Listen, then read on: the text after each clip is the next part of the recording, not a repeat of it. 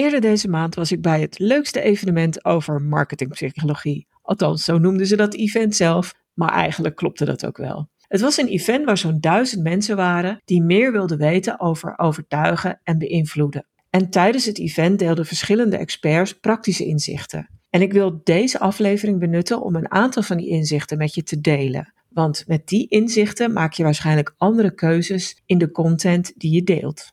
Mijn naam is Linda Krijns en als contentstratege help ik kennisprofessionals en kennisorganisaties om hun expertise beter vindbaar en zichtbaar te maken.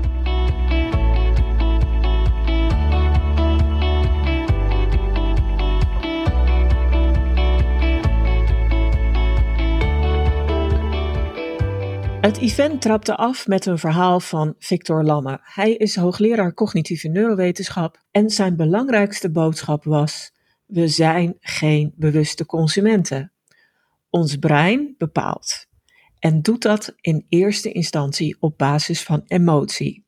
Nou, dat is best een impactvolle boodschap en op zich wist ik het wel dat we beslissingen nemen op emotionele basis. En toch ben ik altijd geneigd dat we het op basis van ratio doen. En ik denk dat we daar allemaal wel die neiging hebben. De werkelijkheid is anders. We laten ons continu verleiden. En als je om je heen kijkt, zie je dat verkopers ook daar voortdurend op inspelen. Denk maar eens aan de gemiddelde supermarkt. Daar zie je aantrekkelijke verpakkingen en kleuren die op ons gemoed inwerken. Daar zie je kleine duwtjes die je sturen, zoals bepaalde producten op ooghoogte zetten en andere dingen juist weer onderaan. Daar zie je kortingen en bonusaanbiedingen. En met die bonusaanbiedingen verleiden ze je in eerste instantie emotioneel. Want ga je dan je ratio aan het werk zetten en kijk je nog eens goed, dan zie je soms dat die korting bijvoorbeeld maar 6 cent bedraagt. Maar hey, het idee van korting overheerst dan door de hele presentatie. En natuurlijk heb je de verleiders bij de kassa. Allemaal dingen die onze emotie bespelen en veel minder onze ratio. En ben je dan nog niet overtuigd? Nou, bedenk dan eens het volgende. We kopen allemaal echt van alles dat we niet nodig hebben. Of dat niet goed voor ons is. Terwijl we dat ook best weten, die ratio, hè? Dus het idee dat ons gezonde verstand de basis bij aankopen is een illusie. Het is zelfs zo erg dat als je een verkeerde keuze maakt, dat je brein die keuze alsnog achteraf gaat rechtvaardigen. Dus die emotie die speelt een cruciale rol bij alles wat we doen, bij elke beslissing die we nemen. Hoe kun je daar gebruik van maken? Of hoe kun je daarop inspelen?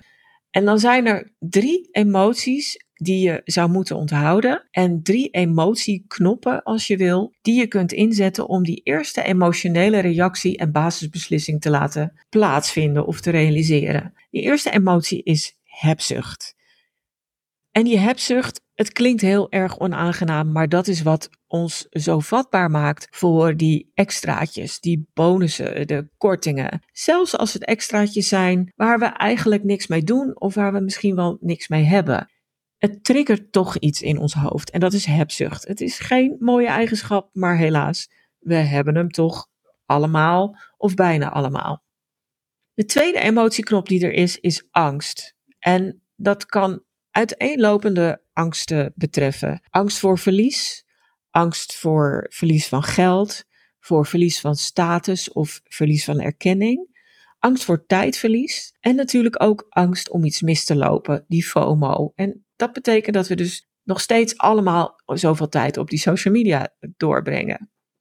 De derde emotieknop die er is, is kuddegedrag.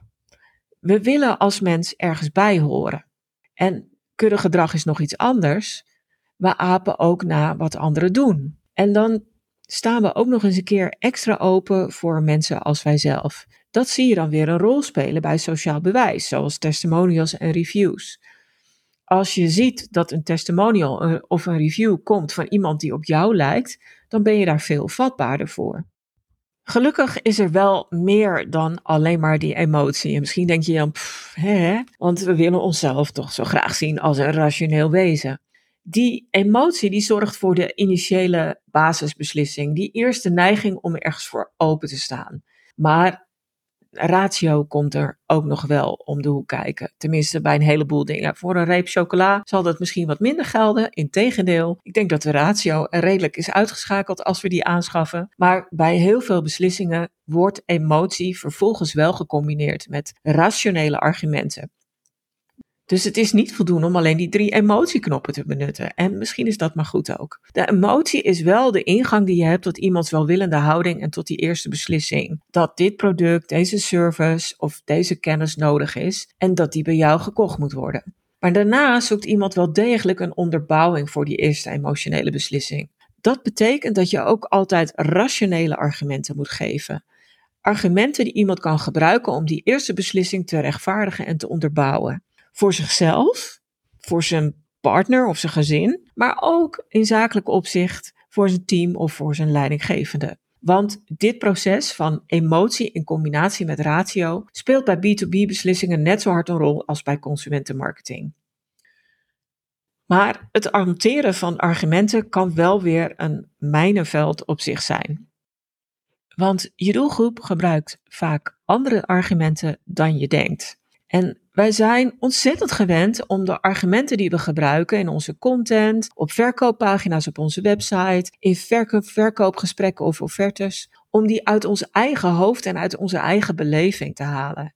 Wij denken te weten wat de doelgroep wil weten en welke argumenten het meest hout snijden. En je voelt hem misschien al aankomen. Dat pakken we toch vaak verkeerd aan. En dan krijg je twee dingen. Allereerst vullen we heel veel zelf in en vergeten we aan onze klanten te vragen wat zij nu echt het belangrijkst vinden en waarom ze nou voor iets kiezen of niet. Het mooie is dat als je dat wel aan ze vraagt, je ook meteen een beeld krijgt van de woorden die zij gebruiken. En die willen nog wel eens anders zijn dan je eigen woorden. Dus dat vragen naar argumenten van wat gaf nou bij jou de doorslag om je tot mij te richten of tot mijn organisatie te richten, dat is ontzettend belangrijk. Maar het tweede wat daarbij speelt, is dat we het vaak veel te veel argumenten gebruiken. Want, oh la la, ons product, onze dienst of onze kennis doet dit en dat en dat en dat en nog veel meer. En voor je het weet staan er zes of tien of misschien wel nog veel meer argumenten waarom dit product, deze service of wij zelf de beste zijn. Dat is op zich wel lekker volledig natuurlijk. Maar die volledigheid zorgt ook voor overdaad. En je doelgroep ziet veel te veel waar ze blijkbaar over na moeten denken of wat ze moeten laten meewegen in hun beslissing. Met als gevolg een grote kans dat deze afhaakt.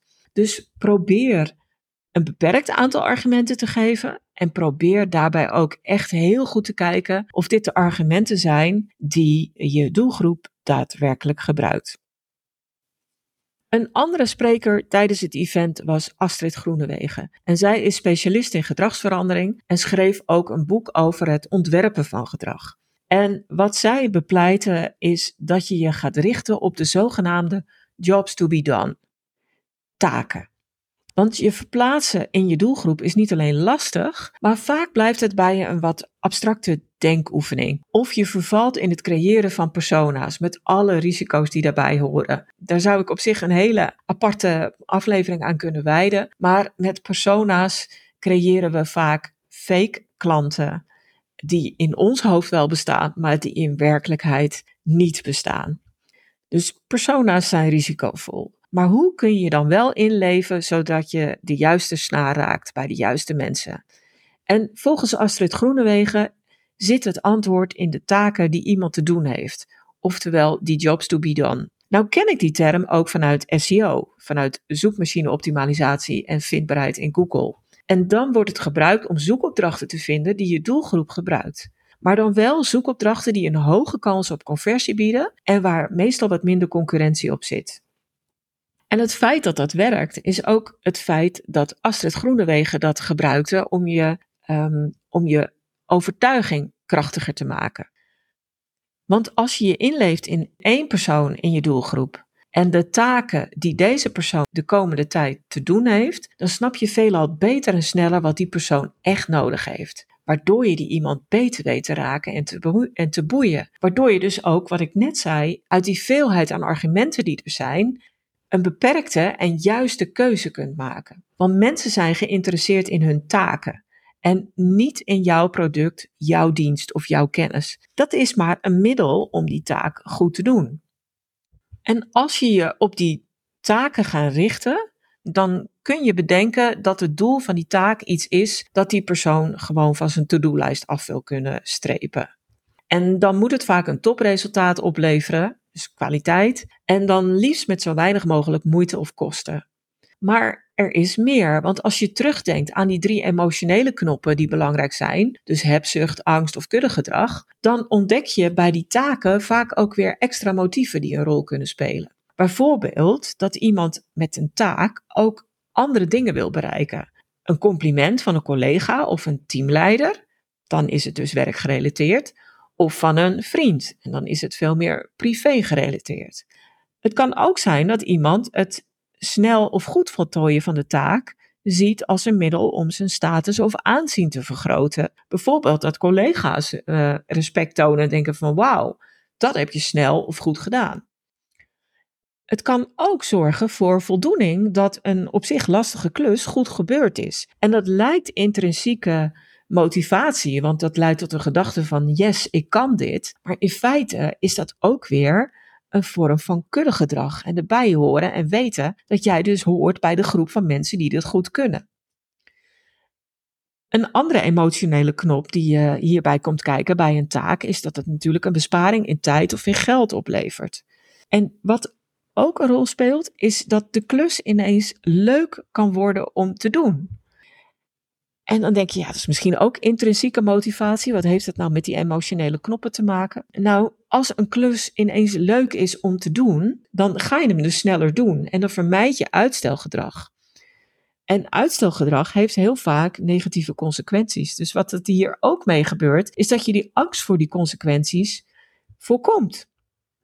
Dus als je die extra of achterliggende, meer emotionele motieven in kaart brengt en die combineert ook met die jobs to be done, die takenlijst, dan zul je eerder in staat zijn om met je content, met je verhaal op de juiste knoppen te drukken bij de mensen uit je doelgroep. Dus al met al is het heel verstandig om minder op het rationele brein van mensen te vertrouwen en om er rekening mee te houden dat veel beslissingen op emotionele basis genomen worden. In elk geval in eerste instantie. Waarbij die drie emotionele motieven de boventoon voeren, dus hebzucht, angst en kuddegedrag. En waarbij je niet alleen in moet spelen op emotie, maar daarnaast ook rationele argumenten moet leveren waarmee die emotionele beslissing te onderbouwen valt. En kijk dan wel uit dat je niet te veel argumenten gebruikt en dat het echte argumenten zijn die je klanten gebruiken, die ze herkennen en die dus hout snijden. Dus richt je daarbij op de taken die mensen te doen hebben en relateer die weer aan die achterliggende emoties die daarbij horen. Dan heeft je communicatie meer effect en zal je met je expertise mensen eerder en beter overtuigen. Dankjewel voor het luisteren. Heb je nu een handige tip of inzicht opgedaan, dan wil ik je vragen om een review achter te laten. Of deel de podcast met iemand anders voor wie het interessant is.